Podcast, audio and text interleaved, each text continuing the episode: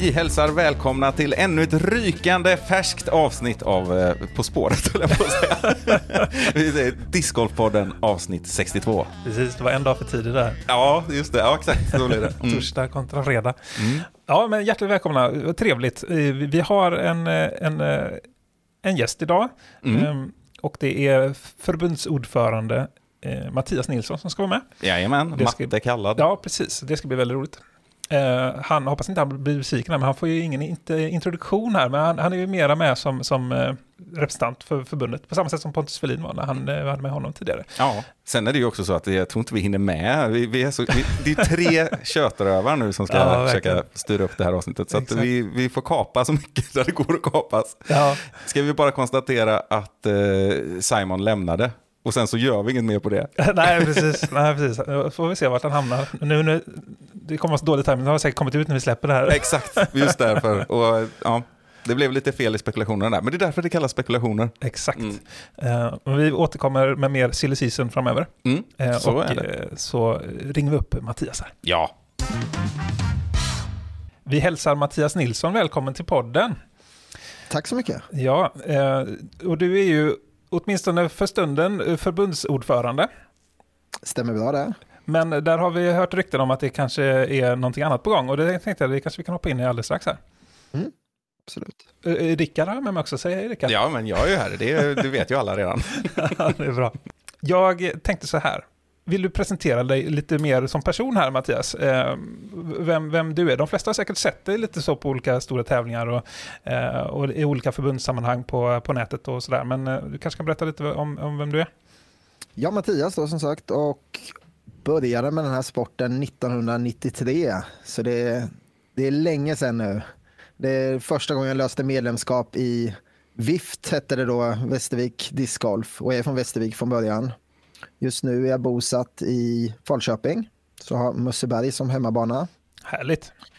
och kastat och tävlat i väldigt många år. De senaste åren har det egentligen bara varit liksom förbundsjobb och sånt runt omkring discgolf, inte så mycket utövande. Men fick en liten nytändning här i somras. Så har väl börjat liksom leka lite discgolf igen i alla fall. Ute på och kör lite veckodiskar ibland och sådär. Ja, just det. För du, du, du satsade mer på själva spelandet förr, men, men nu så kör du mera administrativt, eller på att säga, och, och casual play då, kan man säga. Ja, exakt så. Just det. Men det så var- Ja, det var väl till och med några år nu på sistone som du knappt spelade alls? Ja, Eller? nej, det var i samband med en flytt ifrån Västervik till Habo som jag mellanlandade i några år. Så um, ja, då lades egentligen discgolfen i, som utövande på hyllan. Det var väldigt mycket med förbundet. Det var i samma veva som vi bildade Svenska discgolfförbundet. Och de första åren har ju gått åt till att skapa någon form av stabil struktur i en förbundsverksamhet. Alltså det det är ganska mycket att tänka på när det gäller just sådana saker. Det är, det är inte riktigt bara som en förening utan man kan ta med sig mycket av det man har erfarenhet av från föreningslivet men försöka göra det i en lite större kostym som ett förbund är. Så, och jag tappade lite sugen. Alltså, jag har ju försökt att tävla på elitnivå, Sverige-elitnivå i alla fall under ganska många år. Och ibland har lyckats och ibland inte lyckats men det tar väldigt mycket på psyket när man lägger ner väldigt, väldigt mycket träning och inte får ut det på tävling. Så jag tyckte inte det var kul att kasta. Nej. Du har väl ganska fina meriter? Du får nog nämna någonting här. Jag har två individuella fjärdeplatser på EM 2005 och 2007. Och har ett bra gäng med SM-brons i de flesta olika konstellationer, både som individuellt lag och par och sen några SM-guld och silver i lag. Något silver i par också tror jag. Mm. Det, är ju Och den, Västervik i lag. det är ju den där bördan av, äh, man får bära av att vara från Västervik. Att, med alla tunga medaljer som tynger en. Ja, exakt så. Ja, den är tuff. Men det är också en sån grej, det, det, är alltså så här, det- har ju bara varit fördelar, så jag vill inte måla fram det här som en nackdel att spela i Västervik, men just när discgolfen blir jobbig så var det ju sådana gånger när man kunde gå på en veckodisk och slå Anders och slå Jonas ganska lätt. Det händer inte ofta att man slår dem lätt, men man kanske hade en sån dag där man slår dem lätt. Och sen är det en tävling helgen efter. Och där ingenting funkar. Och man vet att på veckorisken när jag slog dem, det, då var jag bäst i Sverige för just den tillfället. Ja, för de exakt. två jag slog var två och trea, Ja. ungefär så. Och det har ju säkert bidragit till just den här känslan av att en, vad ska man säga, en, liksom en femteplats på en tävling inte är bra nog. Nej. Jag har ju faktiskt kollat igenom nu efteråt mina resultat och de har ju inte varit så dåliga som min känsla har varit. Mm. Det har ju varit nästan alla liksom, nationella tourtävlingar jag var på var ändå topp 10. Och det är ändå liksom, det är okej. Mm. nu när jag, om någon annan skulle sitta och säga det här till, alltså, jag, är inte, jag är missnöjd och ser att han bara hade topp 10 placeringar. Jag hade ju tyckt att han var dum i huvudet liksom. Ja, nej men, och Men det- vi pratade ju om den här problematiken med Johannes Högberg också när han var med. Eh, Vad har du för tips om man upplever det här? Det kanske inte är jättemånga som känner igen sig just i det här bland lyssnarna, men ändå. Jo, men det kan ju vara så. Jo- Johannes tips var ju att, att han ser varje birdie som en bonus. Det var Mm. det som var grejen där, så att säga. Då. Också Eh, titeln på avsnittet. Ja, precis. Mm. Och jag har, liksom, jag har börjat tänka om också. För att, som ni säger, det behöver inte kanske inte vara att man ska vara på Sverige-nivå, men det är nog många som känner igen sig att när jag går själv eller någonting så presterar jag bättre när jag spelar med kompisarna eller någonting sånt. Och jag kör med ny, jag säga, hittat ett sätt för mig att köra andra de, typer av delmål. Så att exempelvis när jag ska spela en bana som jag spelat innan så räknar jag hur många birdiechanser har jag på den här banan. Och det här kan vara parchans eller vilken nivå du lägger på. Du får, man får göra om det liksom efter sin nivå. Men för mitt fall så är det birdie-chanser. Och sen tänker jag att jag vill göra hälften och det ska vara rimliga birdie-chanser. Det ska inte vara de här chansbördorna, de tas bort. Mm. Utan de här som är riktiga birdie-chanser. Har jag nio stycken, då ska jag göra fyra, fem birdies på rundan. Och så försöker jag koppla bort bogisarna lite, nu när jag bara kastar för det är kul. Utan jag jagar birdies, jag, jag går på långputten. Jag försöker ha kul på vägen och göra det. Och det har fått mig att ändra lite inställning och också kasta bättre igen, tycker jag. Ja, just det. Men ha kvar eh, drivet för, för den högsta nivån, så att säga. Men Ja. ändå koppla bort lägsta nivån lite grann. Så. Exakt, lite för att man får förstå att när, när man inte kastar lika mycket och tränar lika mycket, då kommer det lite bogis och sådär. Så att sluta kanske att se på vad slutresultatet på rundan var, utan mer liksom så här, målet värd att göra. Som Mösseberg i Maine är en sån grej, där kan jag göra birdie på alla hål. Då är det nio birdies som är mitt mål. Och det är inte så farligt om jag börjar med tre par heller, för jag har fortfarande chansen att rädda upp det, för jag kan göra de nio sista hålen liksom på den typen av bana. Och det, Ja, men det har hjälpt mig lite i det. Sen vet jag inte om det alltid går att applicera för alla, men för mig har det funkat. Och jag tror att man kanske i fall ska försöka bryta ner lite vad man gör när man inte tycker att det funkar. Och inte låta det gå så länge som jag gjorde. Det var ju flera år liksom som jag gick och inte tyckte det var kul. Men ändå tog mig ut och tränade liksom. För att ja, gå tillbaka lite liksom till varför har jag någon gång börjat med den här sporten och försöka hitta den glädjen igen. Mm. Mm. Ja, men Men det är svårt. Ja, nej, men det är klart det är det. Men det är, ju, ju mer sådana här vad ska man säga, verktyg som man eh, får till sig, desto större chans att man lyckas hitta någon väg som passar för en själv. Mm. Mm. Så det är väl eh, kanonbra. Och det ska jag försöka ta med mig också. För det blir ju ofta, det är lätt att man liksom fokuserar på den här putten man missar istället för den långputten man satte till exempel. Så. Mm. Och det, vi kommer ju komma in lite kanske på delvis där, men vi gjorde ju för förbundets grej en liten snabb enkät på Ska vi snacka discgolf kring hur folk kände för birdies och bogeys. Och det var ju också en sån grej som slog mig lite att glädjen folk kände för en birdie, oavsett hur svårt hålet var, var så mycket större och så mycket mer givande än vad man kände besvikelsen för en bogey. Och det är därför jag har valt att fokusera på just birdierna i det här fallet, inte att försöka gå bogeyfritt. För att det ger inte samma tillfredsställelse som att få skriva den där tvåan på ett par tre hål. Den ger mer, liksom, oavsett svårighet på hålet egentligen. Men Det- det, måste ju vara verkligen kärnan i varför discgolf är så lätt att ty tycka om. Det är roligare att vara Anthony Barella än att vara Nate Sexton med andra ord. Ja, lite så. Men också det att vår sport har ju den tjusningen att du kan, ganska snabbt kan komma till den positionen där du någon gång får den känslan.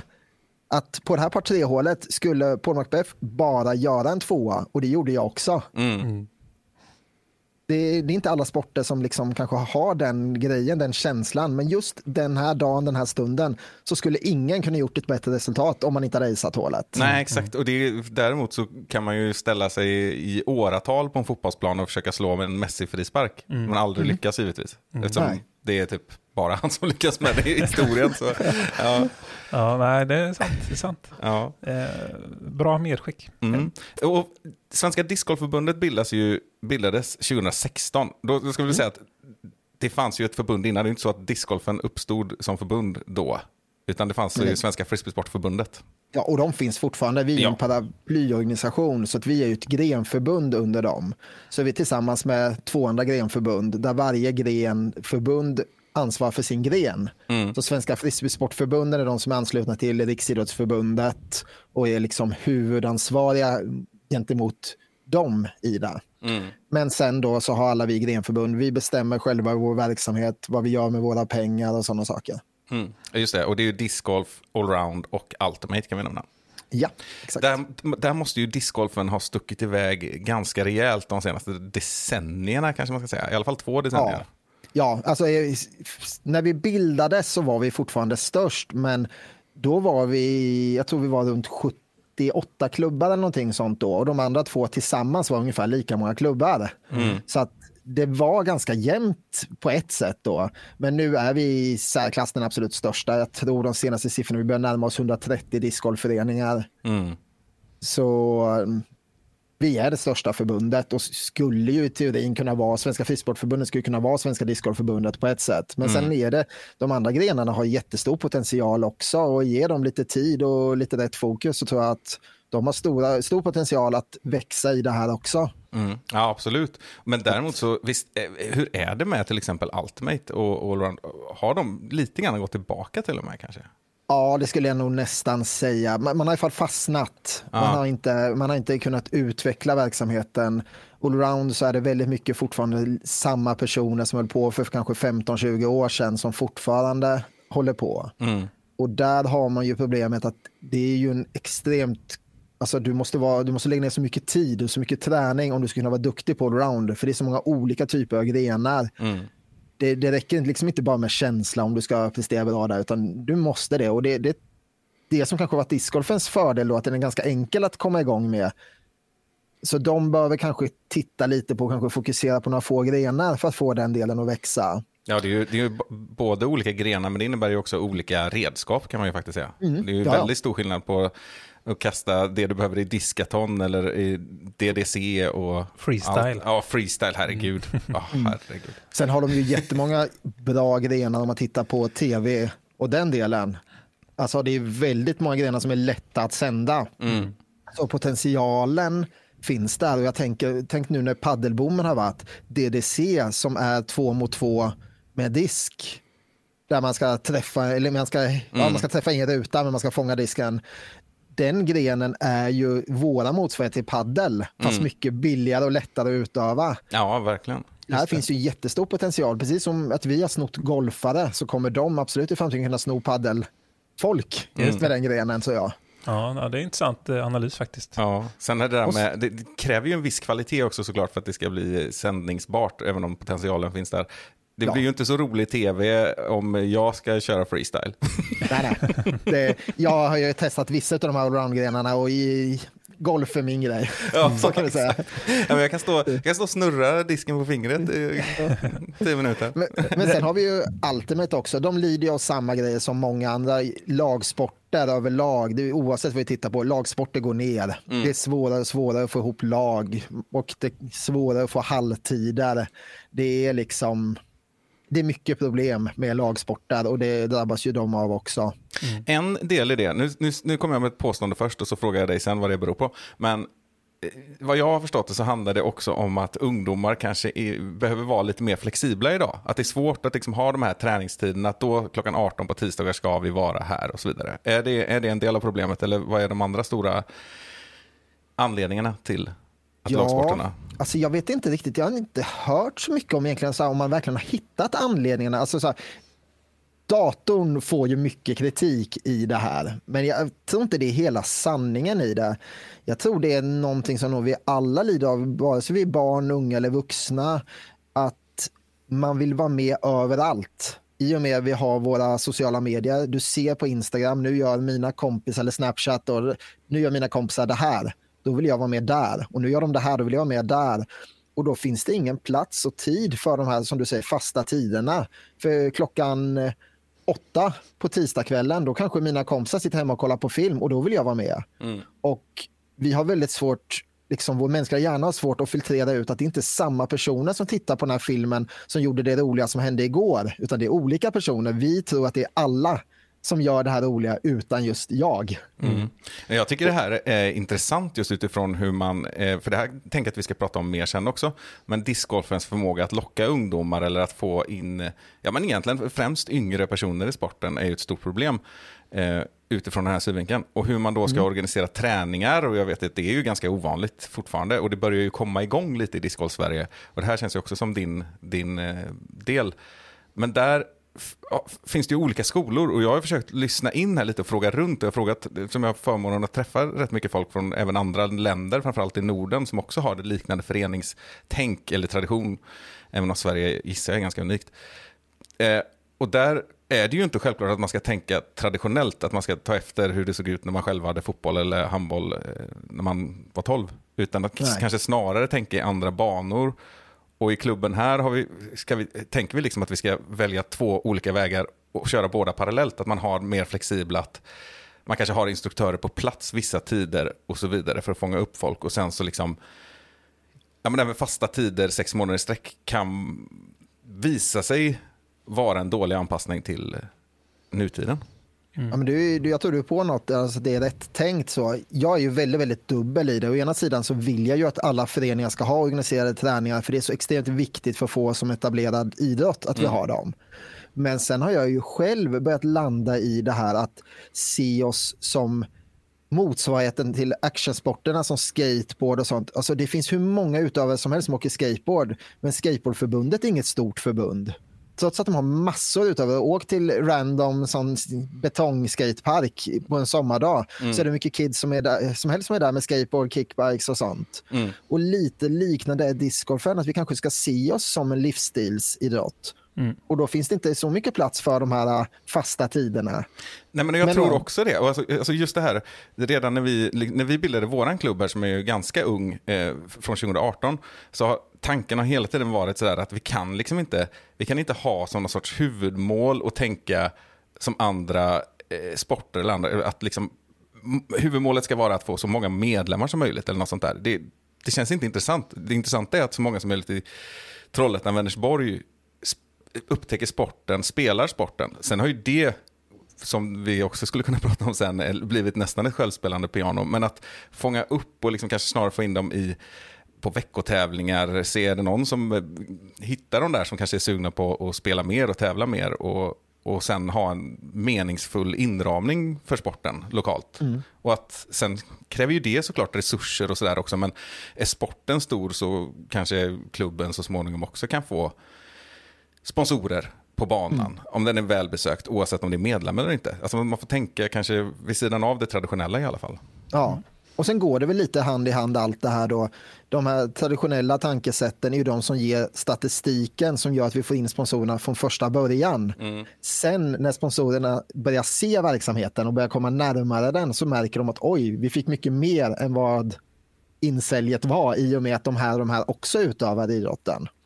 Och sen eh, där, där finns det ju också, alltså det går ju verkligen att mäta det här, eh, både genom att olika appar mäter hur många rundor som spelas på en bana och då kan vi i alla fall få ut en absolut min, minimum hur många det är som passerar de där skyltarna till exempel.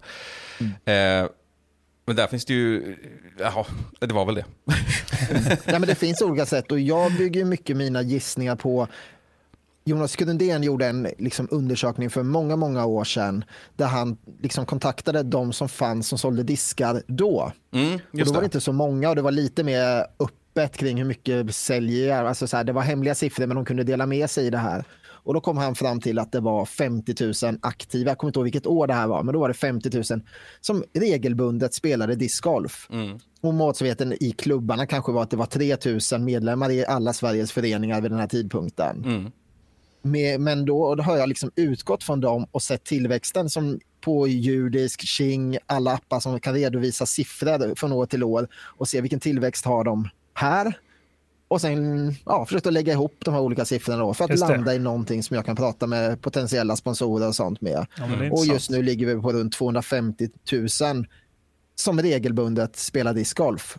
Och jag tror jag är lite defensiv med det faktiskt. Men Ja. jag tror inte jag är fel ute heller. Ja, Nej, och den precis. siffran var väl också ett par år sedan som, som, som den kom ut tror jag från ditt håll. Ja, Eh, så exakt. mm, så det har ju säkert stegrat ännu mer då. mm. Ja. jag tänker vi kommer, nu, vi kommer in lite nu, om vi, ska, vi har lite punkter så här som vi vill prata om också. Men det vi är inne på nu är ju sportens styrka. Alltså det, man kan ju tro, alltså när, jämför man olika sporter och olika typer av föreningar och, och sammansättningar och demografi inom sporterna. Eh, man kan ju lätt fastna vid det här att vi saknar eh, kvinnor som spelar, vi saknar ungdomar. Och det är vi ju, problemet är att vi vet ju kanske inte exakt hur många 15-åringar som är aktiva, just utifrån det här. Men också att vår styrka ligger ju i att alla är utövare.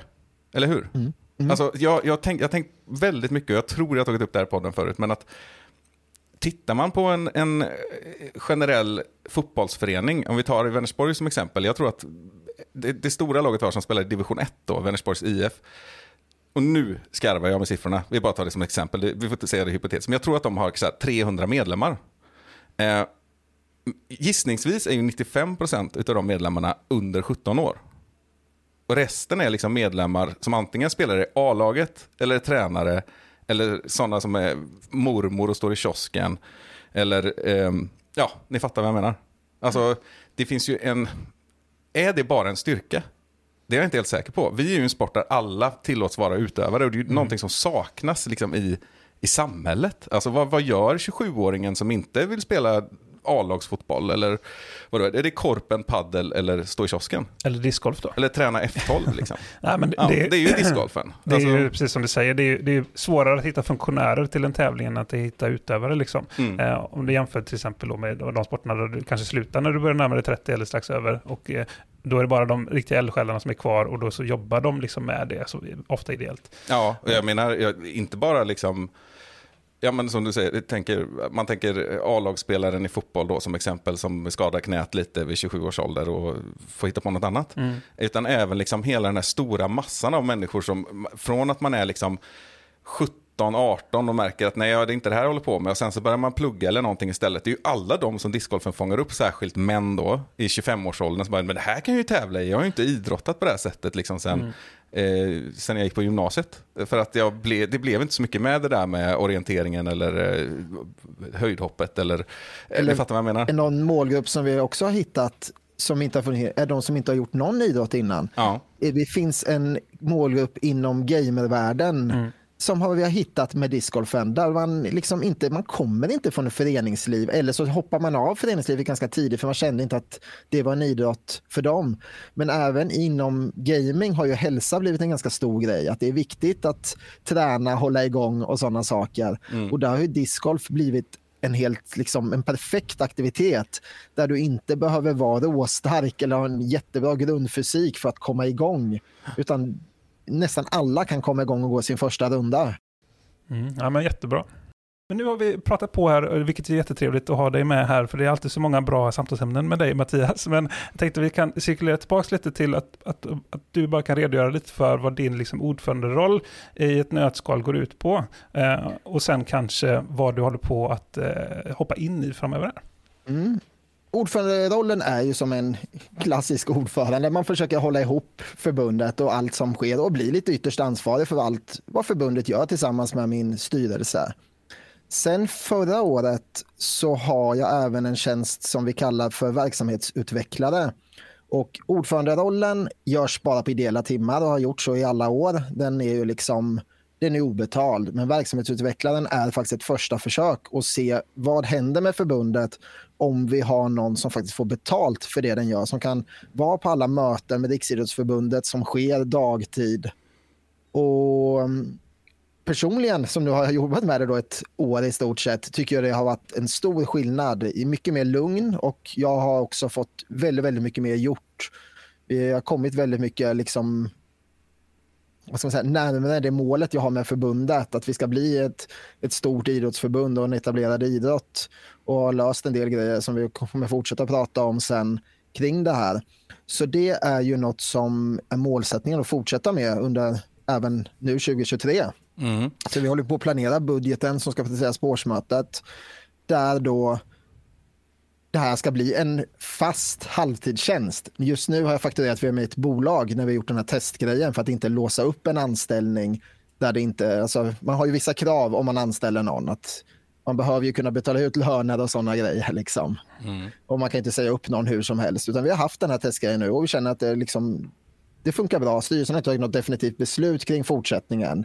Utan det kommer vi göra nu i samband med att vi tar beslut kring kommande budget som vi ska presentera på årsmötet. Eller förhoppningsvis få igenom på årsmötet. Men det, jag har svårt att se att vi kommer ändra liksom inställning där, utan det kommer nog vara en fortsättning på det. Jag tänker, eh, jag tror att årsmötet är den 14 mars. Kan det stämma? Mars stämmer bra.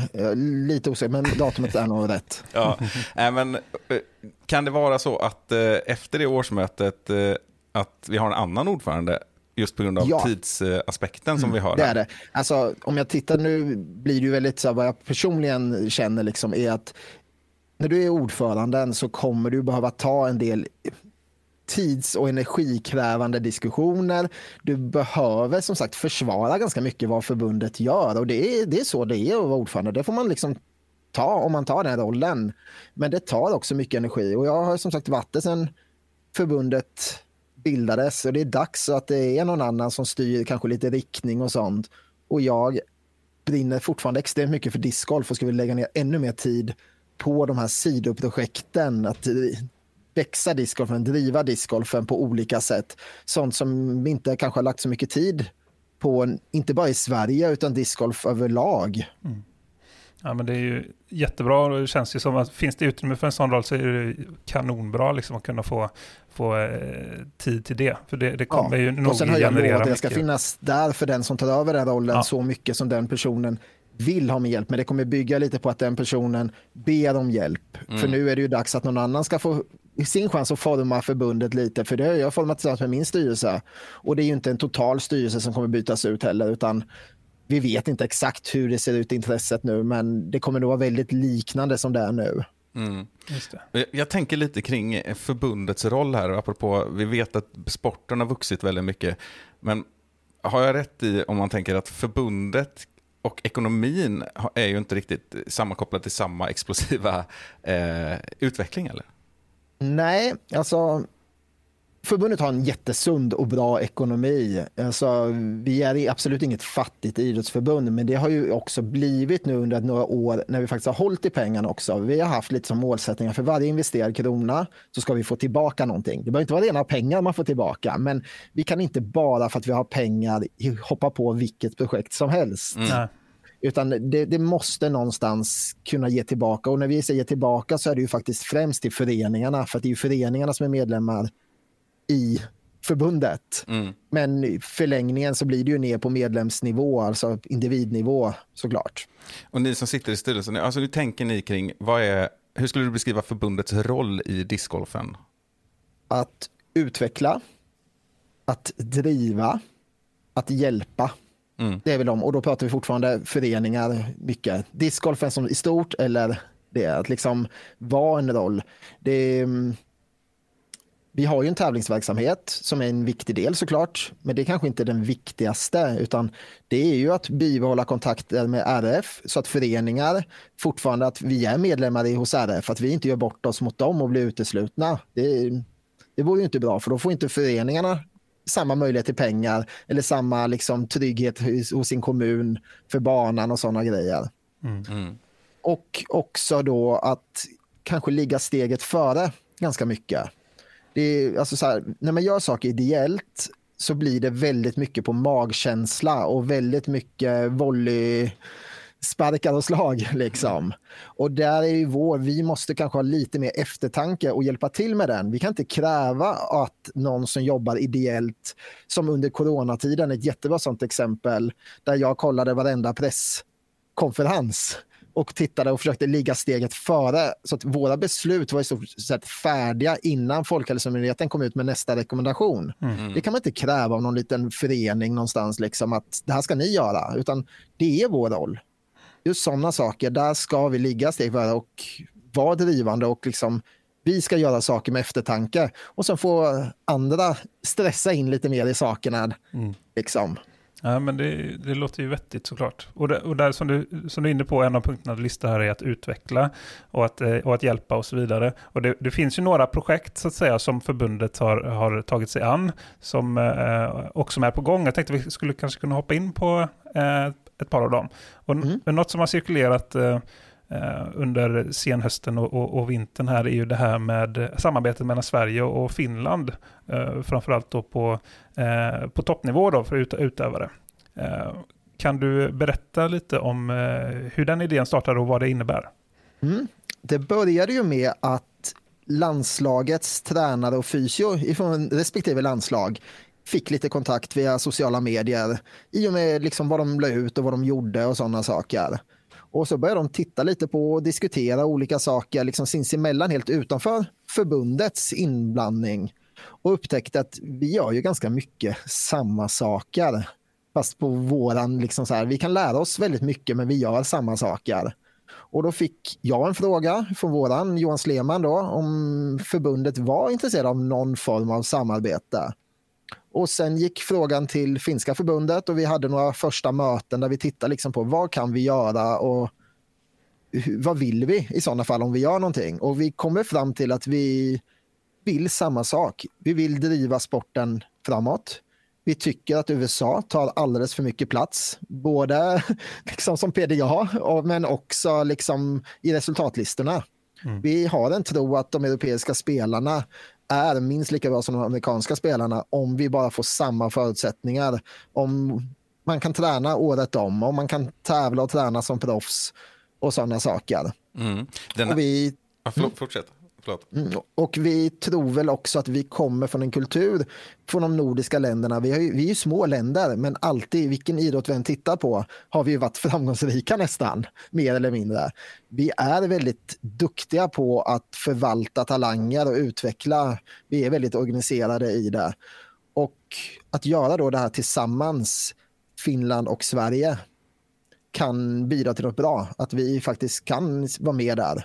Så att vi har väl i det här projektet försökt att tänka lite utanför våra respektive landslag. Utan det är Europa mot USA lite när vi gör det här. Ja, men det är jätteintressant och vi har haft uppe den frågan förut och eh, fått lite mer pessimistiskt svar kan vi ju säga då. Men hur ser du på möjligheterna och kanske om vi skulle sätta någon sorts tidsram här. Kan Europa komma ikapp USA och när tror du att det i så fall skulle kunna ske? Ja, att vi kan komma ikapp. Eh, De, USA är ett stort land. De kommer alltid vara... Alltså, ta vanlig fotboll i USA har fortfarande väldigt mycket pengar inblandat med tanke på hur lite intresse det är där. Alltså, så USA kommer alltid ligga före när det gäller vissa delar. Men tittar vi bara i resultatlistorna så tror jag vi kommer se en stor grej redan nästa år. Jag tror det kommer vara mycket europeer som gör sitt andra och tredje och fjärde år som liksom tar de där sista stegen. På damsidan har vi redan gjort det. Det är, skulle vi ha liksom en ren lagtävling, Europa mot USA på damsidan, så jag tror inte USA hade haft en chans. Nej. Om vi inte nu höjer spelarfältet till 20 deltagare, men skulle det vara fyra stycken i varje lag kanske, Ja. så skulle Europa ta det. Men vad, vad, alltså det är ju dels det här då att USA har väldigt mycket eh, invånare till exempel då i förhållande till antalet länder i Europa så att säga som har discgolfare och deras invånare då. Så det, där behöver ju sporten spridas såklart i USA utifrån den perspektivet, eller i Europa menar jag, utifrån det, den frågan. Men vad är det mer som skulle krävas? Är det just det här eh, skandinaviska klimatet som står i vägen till exempel, eller möjligheten att Ja, träna? delvis är det det. Sen tror jag också det är en väldigt mycket mental grej. Att titta på Jesper Lundmark och Marcus Källström. De hade fortfarande det skandinaviska formatet att kämpa emot, men de slog ändå amerikanarna när de väl liksom tog chansen att åka över eller när de, amerikanerna kom till Europa. Det handlar mycket om deras inställning, att de såg sig som likvärdiga. Det var, vad ska man kalla dem? Kan man kalla dem halvtidsproffs kanske vid det laget? Och det var också amerikanerna vid den tidpunkten. Det var någon få. Det var väl Climo, nej han var ju halvtidsproffs också egentligen. Det var nog ingen egentligen heltidsproffs vid den tidpunkten. Mm. Men däremot så gav man sig själv att liksom under sommarmånader åtminstone kasta full tid. Så att jag tror att inställning är en grej. Jag tror att en sån som Linus, han behöver få en första vinst. Han behöver bevisa, för jag vet att han tror att han kan vinna, men han behöver se det på papper också. Mm. Och jag tycker att man märker det även bland fi de finska spelarna när man tittar dem i resultatlistorna. Det är de som väl har varit uppe där en gång, de återkommer sen. Även om det finns andra duktiga finnar liksom som varit där. Mm. Så att komma över lite den mentala delen i det också. Att förstå att man hör hemma där, man förtjänar sin plats.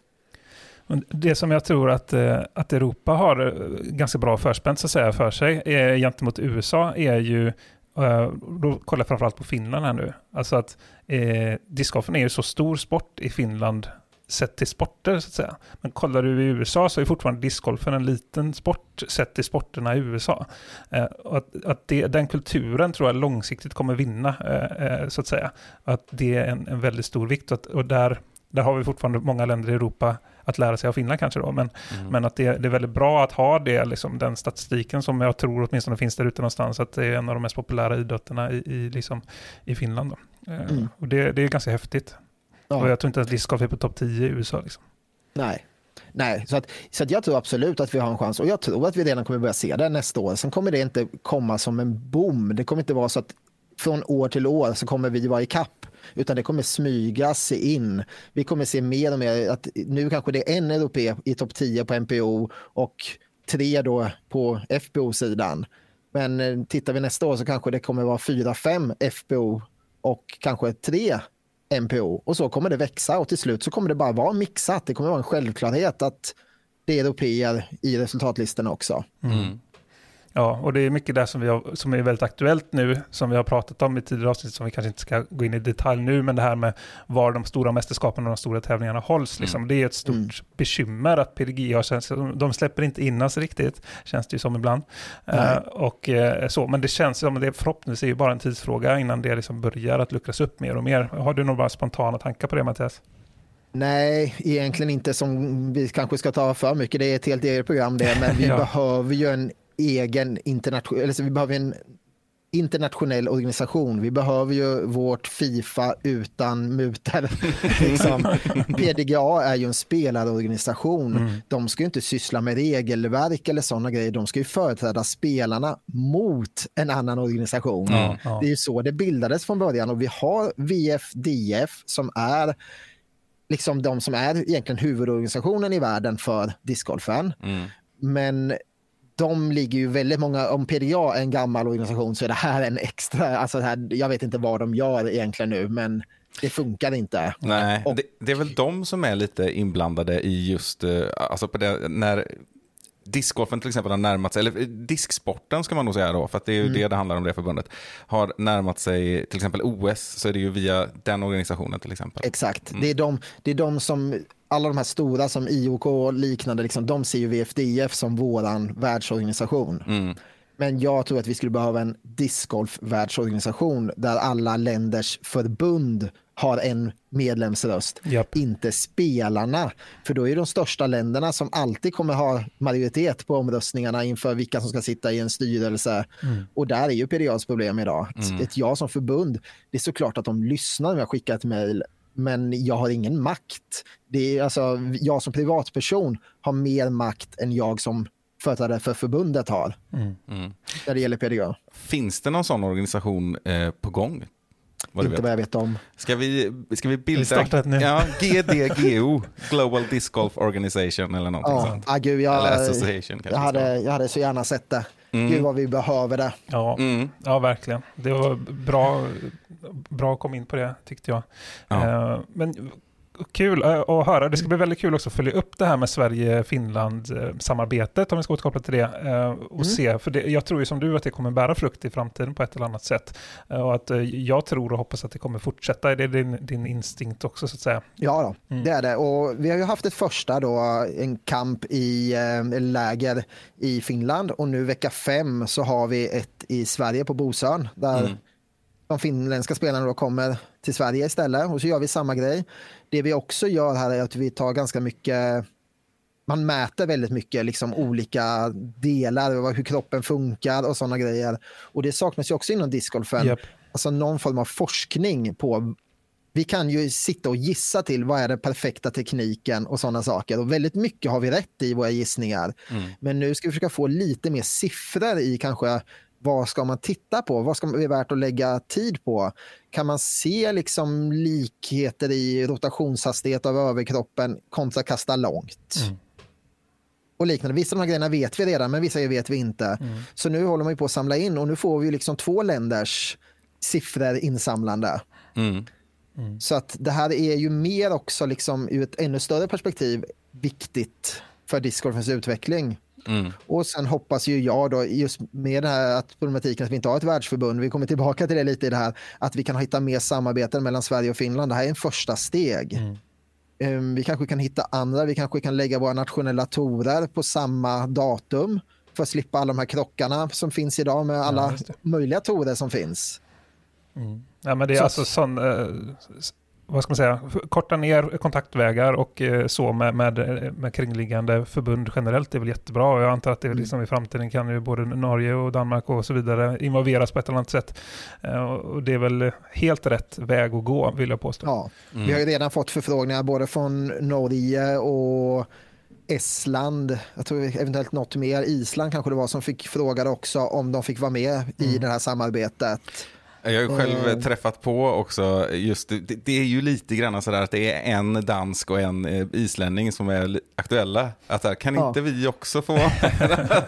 när, när jag och till exempel har varit på resa med Josef Berg som är med från sven, svenskt håll. Eh, och så. Så har de varit lite sådär, men hur ska man göra, vem ska man kontakta för att... Ja. Men det var, någon stackars dansk, kan man släppa in dem? Nej, men vi har pratat om att vi, det här, vi kommer köra nästa lägret också, sen till hösten då när det blir ett nytt, för vi kommer inte ha några läger under sommartid, för då ska ju alla vara ute och tävla liksom, utan det är ju nästa höst när vi kör nästa uppföljning. Mm. Och då får vi titta lite på vad, vad är det, vad har vi gjort, för vi har ju valt ungefär samma vägar. Vi har ju valt vårt utvecklingslandslag, alltså spelare som är relativt unga men inte juniorer nödvändigtvis, eller som precis har börjat en satsning. Vi har exempelvis Hagman som är med, Henrik Hagman, som håller på att kasta ett tag, men han har ju precis börjat sin satsning. Han är med här liksom och Josef Berg är en liknande sån också. Finland har ju valt att ha med sitt riktiga landslag lite mer i det här.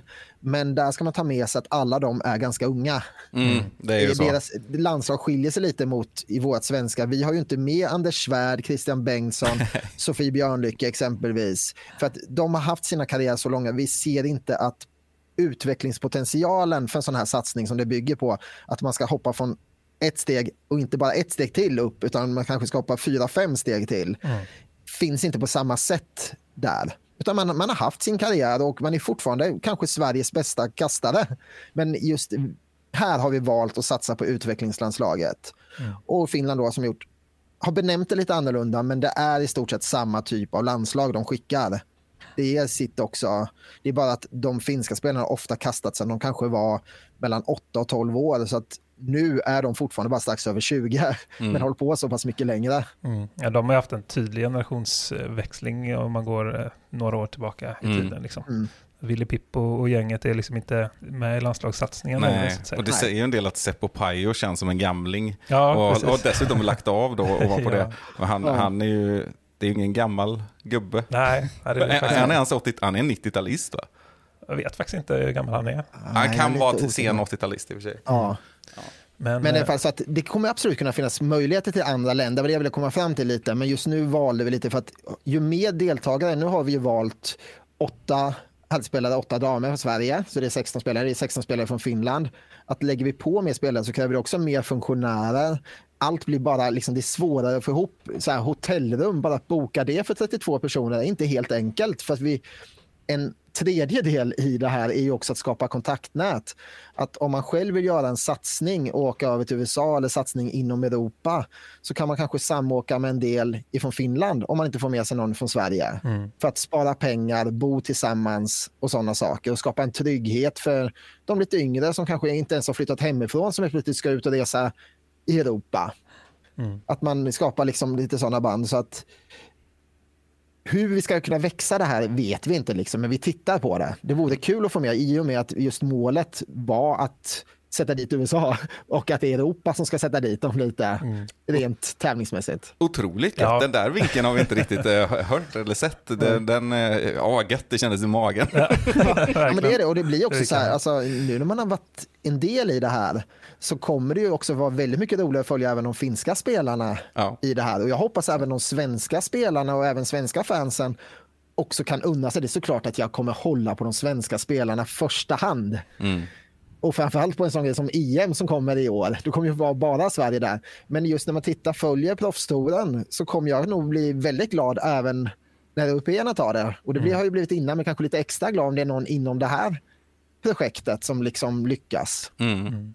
Ja, men det är För rimligt. att vi gör det här tillsammans. Och det märks, Finland ligger före oss när det gäller vissa grejer, men vi ligger liksom inte efter heller. Det, alltså det är fel att säga att vi ligger efter som man ibland, jag använder det ordet också.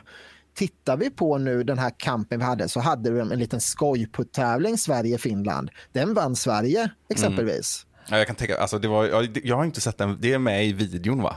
Ja, det tror jag ja. den Josef Berg gjorde, jag tror jag han la med Ja, lite klipp den. Precis. Mm. Ja, jag får ju erkänna att jag har tittat dåligt. Men det, det går ju faktiskt att föreställa sig. För vi har ju inte bara Linus i det där gänget som är en fantastisk puttare, utan en sån som Dennis. Ja, det var väl han som var. MVP där också tror Ja, jag. herregud. Den människan är ju helt galen när det kommer till puttning. Dennis Ja, och på den svenska sidan Ja. hade vi ju Amanda som puttade jättebra. Ja. Liksom, så att, alltså, så här, och det, förra årets EM så hade vi ju Linus tvåa, Henrik Hagman fyra. Mm. Det är ju inte så att toppnivån saknas ju inte i Sverige. Det är bara att Finland har sån extrem bredd på Ja, sin toppnivå. Exakt. Ja, ja, verkligen. Alltså, det, var ju fyra svenska spelare på topp 15. Ja, Precis. så, att, På MPO då, ska sägas. ja. så det här samarbetet i alla fall är liksom det finns så mycket nivåer i det som är väldigt bra och givande för båda nationer. Det är ju, jag har ju fått frågan liksom, vad Finland får för vinning av det här. Mm. Men det får ju bara, det får ju inte ha finska fans eller finska spelare. De ser ju vinningen i det. Utan det har ju varit från Sveriges sida som har ställt frågan vad Finland tjänar på det här. För vi har en liten sån föreställning att Finland är så mycket bättre än oss. De är egentligen större. Det är huvudgrejen i det här. Sen gör de saker som är jättebra, så det inte tar ifrån någonting. Liksom. Men vi ska, inte, vi ska inte förminska oss i den här liksom, delen. Nej. Våra svenska toppspelare är riktigt bra och mäter sig bra internationellt. Heja Sverige, heja Europa. Ja, det Ja, var en bra, exakt. eh, bra punkt för det, för det segmentet så att säga. Något som vi också sett nu det senaste, har, du har också lagt ut i sociala medier och, och bollat lite för detta. Eller vad heter det? Ja, vi säger så. Lobbat, samma. Lobbat, ja. Bra. Eh, det är ju en slags satsning på eh, discgolf som parasport. Mm. Kan du berätta kortfattat om det till att börja med? Ja, ja men alltså det är ju ett, i större projekt är ju att vi vill ju ha till, discgolf för alla är själva grundgrejen och här ramlar massa delar in och där parasport är en del. Det är ju en del i att vi vill bli, som jag sagt någon gång innan här, en etablerad idrott. Då får vi inte glömma vissa, vi är väldigt tävlingsfokuserade inom discgolf. Men, och då missar vi alltså viss, vissa väldigt viktiga delar i att kunna bli en etablerad idrott. Där parasport är absolut en sån del. Vår idrott är en jättebra parasport. Du är ute i friska luften, du behöver använda liksom större delen av kroppen även om det inte är liksom ett måste att alla delar fungerar för att utöva den. Så vi ser ju en jättestor potential i det såklart, liksom parasporten. Men det finns egentligen ingen verksamhet. Det finns ingenting, vi pratar om det här med organisationer, det finns inget arbete hos PDA exempelvis med parasport. De har i sin ordinarie regelbok vissa lättnader för folk som kanske sitter då i rullstol eller sånt, där man kan göra vissa avvikelser från reglerna. Men det är inget riktigt parasportarbete. Nej, just det. Så det vi har gjort nu är ju en, liksom en kartläggning, en grundläggande sån. Och sen har vi också då tagit fram en start kring parasport. Hur ska man tänka som förening, banläggare? Vad är det ska För det, är ju så ett stort och komplext område. Vilka ord ska jag använda? Hur ska jag tänka? Vad kan vi göra? Och då har vi liksom tagit fram en, en start kan man säga till den. Alltså det är som ett slags eh, eh, alltså en sammanställning med information som, som, som kan distribueras ut till eh, föreningar och så. Då. Ja, exakt. Och även ta med till om man diskuterar med sin kommun som kanske står som markägare att vi vill bygga om bana, vi behöver ett tid till här. Mm. Varför behöver ni tid till? Jo, det här. Och så har man ett dokument att sätta i handen på kommunen. Liksom. Det här är för att vi vill kunna göra banan öppna upp den för fler. Och det här gäller ju också inte bara, det kan ju gälla liksom äldre, det kan gälla amatörer, att man vill ha ett extra tid. Ja, men det är ju jätte, sånt där är ju väldigt värdefullt att det arbetet eh, görs. Eh, sen, sen, det har varit snack, jag vet inte om, om du har någon information om det, det har varit snack par år nu vill jag påstå om en sån här liknande satsning med ett par banor i Skåneregionen. Mm. Eh, har förbundet varit med där på något hörn? Ja, vi är lite, lite inblandade där. Vi stödjer projektet såklart och ja, försöker vara med där vi kan vara med. Det är ju pengar från Allmänna arvsfonden som har blivit tilldelade till den här banan. Så det man behöver lösa nu är ju den sista finansieringen som man måste stå för själv. Man måste hitta företag eller andra projekt som faller in inom det här. Och då kommer det bli en niohålsbana som är helt rullstolsanpassad. Och den kommer även vara, det kommer vara elljus på, på den. Just det. Och sen har de även ett par andra projekt i det, eller det är tre andra banor i det här projektet också. Både liksom en professionell vanlig tävlingsbana, men sen är det också då ytterligare hål som kommer ha elljus på sig. Det kommer vara en, man tittar på ett projekt i fall kring om man kan göra en bana för blinda. Det ligger dock lite utanför förbundets del. Vi har valt att inte ha med blindidrott inom just vårt parasportarbete till att börja med, för det är så komplext och säkerheten är något vi inte känner att vi har en bra lösning för när det gäller den delen. För att även om man har med någon form av ledsagare när det gäller blinda så är det ju, alltså, vi vill inte riskera att någon får en disk i huvudet hur som helst. liksom. Eh, Men de, de tittar lite på det. Jag, jag, jag spelade faktiskt en bana i Alvesta utanför Växjö som var förhållandevis nyanlagd tror jag. Eh, Det var två banor, då var det en med jag tror det var tre eller fyra hål och där det var eh, som rullstolsanpassad då, så det gick liksom en, en slinga runt och så, sen hade de en mer traditionell niohålare också. Ja, tre hål det tror jag just på den. Och sen har vi, vi har, det finns en tre, fyra andra sådana projekt Mm. också som är på gång när man anpassar delar av banan Just det. för att liksom komma igång. Men det är kul att se att det, att det dyker upp sånt. Mm. Och vi kan ju se till exempel att eh, döva discgolfutövare är förhållandevis eh, vanligt eh, och att, att liksom den sporten är ganska stor för, vad säger man? Man kan inte säga community. Eller? Jo, Nej, jag, tror- jag, tror, jo. ja, man Ja. tror faktiskt man kan säga det Ja, i okej. detta fallet. Ja. Och de- in, inom det Tyvärr har vi nog inte så många lyssnare som Nej, är nej, jag döva vet. som, Nej. som kan rätta oss. Men, men, eh, nej, jag, tror- ja, precis. men jag skulle vilja påstå det, att det, är- det, det är ju en grupp. Liksom. Alltså, De har ju också ett eget språk. Där är ju Ja. svenska inte, inte modersmålet. Liksom. Mm. Och det är Ja, viktigt att komma ihåg. Så att jag tror också att det- faller ju inte inom parasport utan det är ju en egen idrott. Dövidrott är ju en egen idrott. Mm. Liksom. Återigen, jag menar, det är en väldigt stark sammanhållen eh, egen grupp i samhället på många sätt, vill jag påstå. Absolut, och Det de skulle de gjort hålla med om. jättejobb. Mm. De, de arrangerar ju egna SM och sådana grejer också. Och det är också något som jag jättegärna skulle vilja få in lite mer. Det är, ju liksom, det är inte någons fel att vi inte har, det är tidens fel att vi inte har kunnat ha ett närmare samarbete. För de är ju ett eget idrottsförbund. Så att de ligger liksom helt utanför discgolfens, alltså discgolfförbundet. Ja, det är så. Men där tror jag vi kan hitta ganska mycket roliga samarbeten. Mm. Ja, det tror jag med. Absolut. Ja, men bra. Eh, om man vill få tag på det här, den här informationen så att säga, eh, det här kompendiumet kanske man kan säga, av, av parasatsningen, eh, hur gör man då? Svenskdiscgolf.se. Just för tillfället ligger det på första sidan, det första man ser. Men annars så finns det i menyn under vår verksamhet och para discgolf. Jättebra. Och undrar man någonting om discgolf överhuvudtaget så kan man ringa Mattias Nilsson på 07. Exakt så.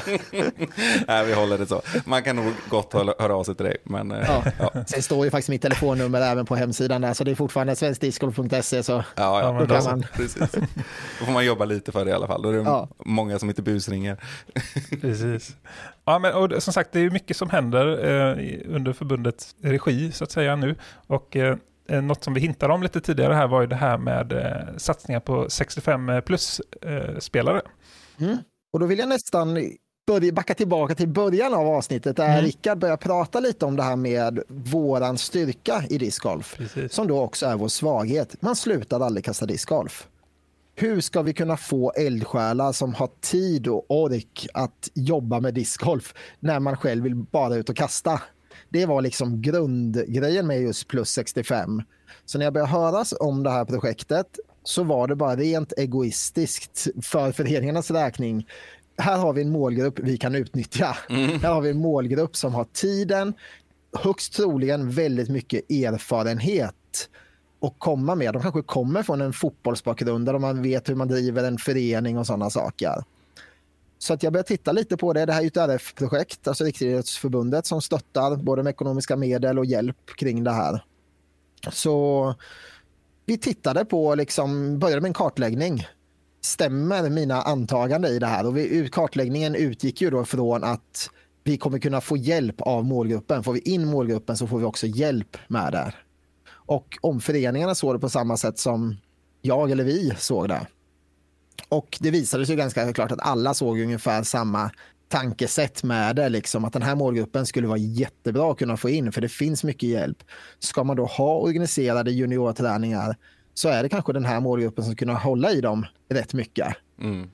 Och det finns också en vilja inom målgruppen. De jag pratar med som kastar har en vilja att hjälpa till. Mm. Det är ett jättebra exempel, en person i Varberg som jag var och pratade lite med där. Jag pratade inte just med han personligen, men de andra berättade om han. Jag tror han var lite över 80 år och hans barn hade studenten, men han valde att gå och bygga på deras nya bana istället. liksom, kan man diskutera i och men- Ja.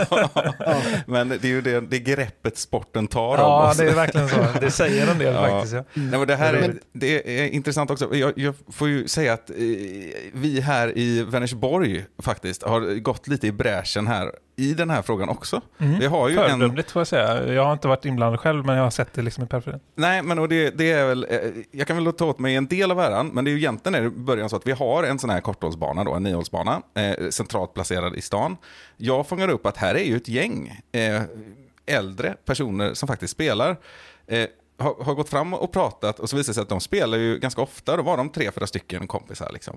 Eh, och sen har det där byggts på och jag har hjälpt dem och försökt, jag har haft också liksom träningar och liksom gått igenom vad det är och hjälpt dem med scorekort och lite enklare regler, det de vill veta helt enkelt. Alltså bara det de behöver utifrån intresse. Liksom. Och det här har ju, det har ju blivit helt enormt. De är ju alltså 15 personer minst eh, som är ute i stort sett varje vecka minst en gång. Eh, även liksom på höst och vår, kanske inte när det har varit snökaos nu då. Och det här har ju blivit liksom självgående. Och vi hela tiden liksom, jag har försökt stötta upp och liksom, vi har en gemensam grupp på Facebook och så vidare. Och det har ju också lett till att vi har, vi har ju vår äldsta medlem, heter ju Ulla och är född 1937. Hon alltså fyller ju 30, eller 86 år i år. coolt. Ja, och, då, och det, men det svåraste detta, det får jag återgå till det vi pratade om förut också, det är ju just det här att, att få dem att förstå att de är lika värdefulla, om du förstår vad jag menar. Det här med att alla, alla kan utöva discgolf. Alltså, det, det, jag har fått liksom banka i, i dem det att ni är utövare. Ni är ingenting annat. Ni är, precis som alla andra medlemmar, utövare, kom till oss eller mig som ordförande, eller oss som styrelse, eller oss som klubb. Var med precis, på samma villkor som alla andra. Det är ju väldigt svårt, för man har den där bilden av det, att det är som att man åker hem till Frasse och spelar bridge på torsdagar. Ja, men det, ni får, kan använda det så, men det gör det fortfarande till ute. Det är så här discgolfen ser ut. Och det är, det är en mental omställning för många som har levt i ett annat typ av föreningssverige. Och var inte rädda heller för att göra discgolfen till er egen. Som det projektet i Varberg där. Där var ju fikan bland det viktigaste. Liksom, de träffas, utövar discgolf, rör på sig, motionerar, mår bättre kroppsligt. Ja. Men de får också det sociala med den här fikan. Exakt. Forma discgolfen så som ni vill. Den här banan, nu vid den här tidpunkten är banan eran. Gör vad ni vill med den. Precis så, och det, fikan har en central roll, det hembakta i, även i den här gruppen och det är väldigt härligt. Jag har eh, blivit pådyvlad på den ena andra bullen och sockerkakan. väldigt fint eh, bakat från de här. Men jag måste bara ge en shoutout för övrigt till eh, Kerstin Jeppsson som är den drivande där. En fantastisk eh, människa måste jag säga. Det är hon Kul. som är hjärnan bakom hela grejen. Ja, roligt. Ja. Eh, ja, gammal bankkvinna som drar detta. Jag vågar inte gissa mig på ålder. Men det är, det är jättekul. Och det vi gör nu med det här är att bara precis innan vi satte igång här fick jag ett mejl om att nu är pengar på väg. Vi har blivit tilldelade ganska mycket pengar. Nu har jag den inte exakta siffran här, men det är... Se om jag kunde få fram det lite snabbt. Där. 160 000 har vi fått för ett sånt här projekt utav Riksidrottsförbundet som vi ska nu välja ut då ett gäng pilotföreningar där vi ska förse dem med ett färdigt koncept. Man är fri att förändra det om man vill. Men vill man inte lägga ner tiden på att ta fram projektet själv, så här har ni det. Mm. Liksom. Så det kommer komma mer info på vår Facebook och vår hemsida här under, ja, förhoppningsvis redan nu i januari, men kanske i början på februari. För vi ska ta fram liksom hur projektet ska se ut exakt i detalj. Men det kommer göra så fler kommer få chansen Mm. att starta igång där. Och som du var inne på, målsättningen är att det ska vara självgående sen. Att det här ska inte vara ett jobb. Ni måste kanske ta ledigt från jobbet precis de första två, tre gångerna ni har det här. För det kommer vara dagtid som den här målgruppen vill utöva det här. Men sen kommer de sköta det själva. Mm. De kommer hitta sina liksom, platser och roller och driva det här själva om vi bara ger dem förutsättningarna. Ja, men alltså, det, jag vill slå ett slag för massa andra fördelar som kommer på köpet med detta också. Förutom att det, det ligger precis i linje med liksom hjärtat i discgolfen och sporten och, och vad, det, vad det är med discgolf. Men också att alltså, samhället, eh, man får ju med samhället på ett helt annat sätt. Jag tror att det finns många, det finns nog ändå många exempel på banor och, och föreningar som kan känna igen sig i att det kan gnällas över, kanske, ska vi ha en discgolfbana här eller vad kommer det innebära? Och det kommer bli nedstökat och det kommer vara livat. Liksom. Medan discgolfen oftast är helt tvärtom, det skapar en sorts trygghet och rörelse i områden och sådär. Men här får vi också en grupp som är ganska stark eh, på många del i samhället, alltså äldre, som visar vad sporten är. Man ser dem utöva det centralt i Vänersborg. Man förstår, man, de kan prata gott om sporten också. Alltså det, det finns ingen bättre marknadsföring än att få med alla på något sätt också i detta. Nej. Och vi får inte glömma att kommuner som är de flesta utav ägarna till våra banor, de har ju uppdrag, de har ju saker de måste lösa. En del är aktiviteter för äldre. Och kan de då lösa det samtidigt som de förbättrar banan för en ännu större grupp, det är en väldigt bra investering för en kommun att göra. Så att det är ju en win-win på så många olika plan om vi gör det. Och det här gäller inte egentligen bara äldre, utan det gäller ju alla de här nya målgrupperna som vi nu försöker hitta inom liksom att en satsning att göra liksom nya tees kortare, längre beroende på vad det är för tanke med det liksom på banan öppnar upp det för så många fler än kanske bara just den bestämda målgruppen som man sökte pengarna för. Ja, exakt. Och sen en, en annan grej i detta måste jag också säga, just om, om det är någon som sitter och tänker här nu. Gå och kolla, och det finns ju sådana här eh, seniorverksamheter eh, ofta i många kommuner då, utifrån det du säger, att man har ett uppdrag där också. Men jag, jag har haft med ganska många skolklasser på den här banan, eh, väldigt många genom åren. Och, och liksom, jag har ställt upp när det har varit friluftsdagar och det ena och andra har visat och sådär. Men när man har fått dit Senior Sports School i Vänersborg, Jäklar vad roligt det är. Alltså. Alltså det är ju ingen som är ointresserad. Alla är nyfikna. Det är ingen som går och lallar. Det är inte någon som bara är där för att den inte ville välja något annat på friluftsdagen liksom, och ville hänga och gå undan en stund. Alla är ju nyfikna, alla är intresserade, alla är engagerade, alla vill, alla kör hårt. Det är svinkul alltså. Och de har så mycket att bidra med, både när det kommer till berättelser, Ja. energi. Alltså så här, många har släppt all prestige. Ja, Som, det, livet är som livet är och så har man bara släppt väldigt mycket och man går och njuter. Det är såklart att det är många äldre som har det jobbigt, men just när de kommer i den här miljön så känns det som att de bara går och njuter. Och det kan man själv få sån jätteboost av. ja verkligen. Nej, det är medryckande. Ja, det låter, låter gött. Jag blir inspirerad här. Jag längtar till eh, 65 plus-klassen nu istället. Vi pratade om här, här avsnittet att jag längtar till 40. Ja, men- Kommer också få ha en sån här eh, plus 65-dag på Ale stående. Så här, att Ja, nu är det bara, nu är det, nu är gammeldans så att säga, på gula banan. ja. Men jag vet att ni vill försöka hålla nere tiden på era avsnitt. Ja, vi har dragit över det. Men jag skulle ändå liksom skicka en liten fråga till er också. Just när man pratar om de här olika målgrupperna. Vi pratar parasport plus 65, vi pratar juniorer, damer. Finns det någon målgrupp som ni har sett som vi som sport, inte som bara förbundet, utan som idrott i stort, missar? Liksom så här, var ska vi göra vår nästa satsning? Och den gör även kanske medskick till lyssnarna. Att sitter man där och tänker på någonting, liksom. men för, för alla tror jag tänker likadant. Discgolf är verkligen för alla. Det är inte en idrott för bara några få, utan det går att anpassa på ett sånt sätt så att det, det kan verkligen passa precis vem som helst.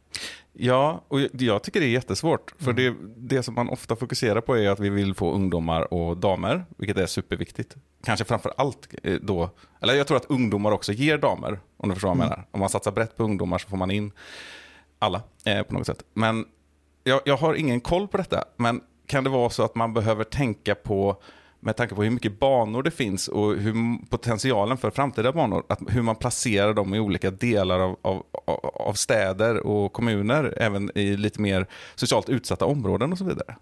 Jag tror jättemycket på den grejen. Det finns några exempel, kanske inte att det har varit en utsatt område, men det har varit parker som inte har varit använts. Kommunen åker och klipper parken men ingen går i den. Och så har man lagt en discgolfbana där. Genast har folk börjat röra sig och då har de som går ut och går med hundarna ser att här händer det saker, så börjar man gå i parken och så växer hela parken via en sån liksom satsning. Och det tror jag också, alltså lägg en discgolfbana i ett utsatt område, var beredd att ta kostnaden för skadegörelse de första åren.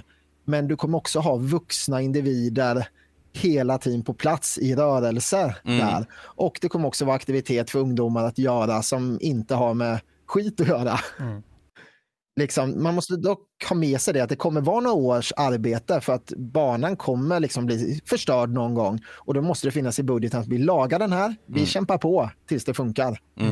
Nej, men jag, jag tror mycket på det gen- generellt, så att säga, det ni är inne på här nu. Alltså, eh, den typiska discgolfen är ju en vit svensk man i 35-årsåldern. Liksom. Och, och man, man ser nu att satsningar görs på, som vi hör nu, 65 plus och, och damer eh, är ju bra också att det satsas på, och, och ungdomar och sådär. Men just det här med, eh, med nyanlända och nysvenskar och, på olika områden. Eh, tror jag är jättebra i och med att det är så lätt sport att komma in i, så både ekonomiskt och eh, på andra sätt. Liksom, så tror jag att det är en, ett jättebra fönster att, att hjälpa till med integrationen om inte annat. Liksom. Eh, så det, det, det skulle kunna vara en vettig satsning, absolut. Och också folkhälsan där, det, liksom, det här med att man är ute i luften, alltså så här, mycket av den problematiken som kommer från de här utsatta områdena handlar ju också om instängdheten i små lägenheter med mycket folk. Man kommer inte ut, man blir inte liksom, det finns inte naturliga saker att göra och där är ju discgolfen klockren. Mm. Eh, Så många timmar man har varit på banor, liksom bara andats frisk luft utan att tänka på det. Ja. Men i övrigt bara ett, ett, eh, sista tanke från min sida här är ehm, jag tror att det är väldigt många som inte förstår att discgolf är mer än de korgarna som står här borta och att man kan gå ut och latcha ibland. Liksom. Och att hur man når ut med den förmedlingen om att, om att, eh, om att discgolf är en du säger att vi vill bli en etablerad sport. Jag vill påstå att det ändå i alla fall i vissa sammanhang är en etablerad sport. Där, där man kan liksom satsa på att bli discgolfare och att man kan, eh, man kan vara med i en förening och man kan eh, bli medlem i, i Svenska Discgolfförbundet och så vidare. Och så vidare. Och att, hur man får, får ut det till gemene man att det faktiskt är så, att man kan göra de här sakerna. Det, är ju, det tycker jag eh, är någonting som kan förbättras. Mm. Ja, jag håller med dig. Det finns, där finns jättemycket göra på olika sätt. Det är helt med. Och vi har lyckats någorlunda gentemot vissa målgrupper, som, eller målgrupper är det inte, men mot an, vissa grupper. Nu när jag har varit på några av de här RF-träffarna, när vi har diskuterat med olika förbund i smågrupper, vissa frågor, så är det väldigt mycket som har vänts mot discgolfen. Vad har ni gjort? Hur har ni lyckats? Och sådana grejer. Helt plötsligt ska jag sitta där liksom, och förklara för Bordtennisförbundet hur vi har lyckats. De har ju liksom varit etablerade hur länge som helst. Liksom. Jag vill ju veta mer om dem, hur de har lyckats i sin tur. Liksom. Men att vi har fått en viss typ av Stämpel. vad jag? Ja, status, stämpel liksom i det här. Men som du säger, det finns ju mot de här vanliga personerna, alltså de som inte, som bara går förbi banan, där har vi ju inte egentligen någon satsning emot idag. Hur vi ska nå ut med liksom information. Det handlar inte om att locka in dem till sporten, det kanske det blir en följd av det. Men bara just informera och lyfta fram idrotten som liksom just en idrott. Vi får ta med oss det alla, alla vi tror jag. Ja. Och, så, och så alla lyssnare, att man, att, hur, vad, hur man f- pratar om sporten också. Alltså att, Jag känner ju igen mig i detta, att för, för, att för några år sedan skulle man kanske inte med gott samvete kunnat säga till en 12-åring att du kan satsa på detta och faktiskt leva på det.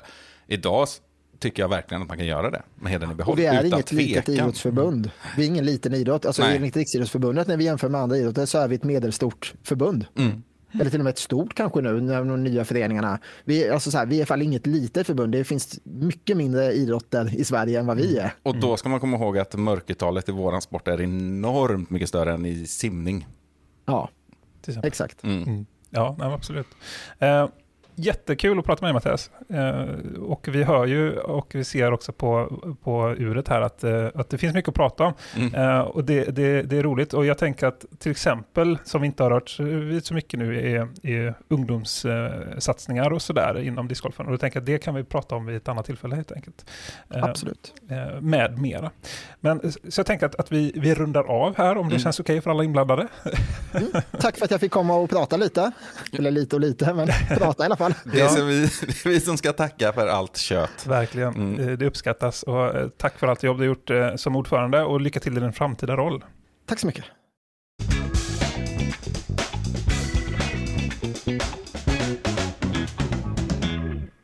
Sådär ja, det är alltid lika roligt att prata med Mattias, eh, även när man ses IRL så att säga, eh, likväl i podden. Och det, det märks ju av. Han, eh, han har många bra tankar och funderingar, så det var, det var kul att prata med honom. Men, men tiden rann iväg som sig bör, men jag tror att det kändes förhoppningsvis inte så långt. Nej, det tror jag inte. Herregud, det, för mig gick det jättefort. Ja, ja och det här vi det kanske inte blir jättelångt här, men, men det är ändå längre än ett standardavsnitt för oss, som jag vill påstå är på 51,5 minut. Ja. Nej, och det, det är för att det är så intressanta grejer. Det går ju att plocka flera delar av det här och verkligen göra ett avsnitt som också är lång- långt Ja. på, på varje. Liksom. Ja, verkligen. Det kan ju vara ett handhavande fel hos oss också. I största allmänhet, hanteringen precis. av att ha en podcast. Ja, men vi, vi har ju mycket som vi vill säga och många tankar i, i det här och det är väl en del av anledningen till att vi är så ingrottade i den här sporten. Ja. Det är ju inte värre än så. Men eh, det är som du säger, det finns så många ämnen som man vill bolla med Mattias och vi kommer nog få tillfälle att göra det framöver, tror vi. Mm. Eh, Men för nu så är vi nog nöjda. ja, nu får det vara bra. Ja, det var det. Men tack till er som har stannat så här långt och eh, vi hörs framöver igen. Ja.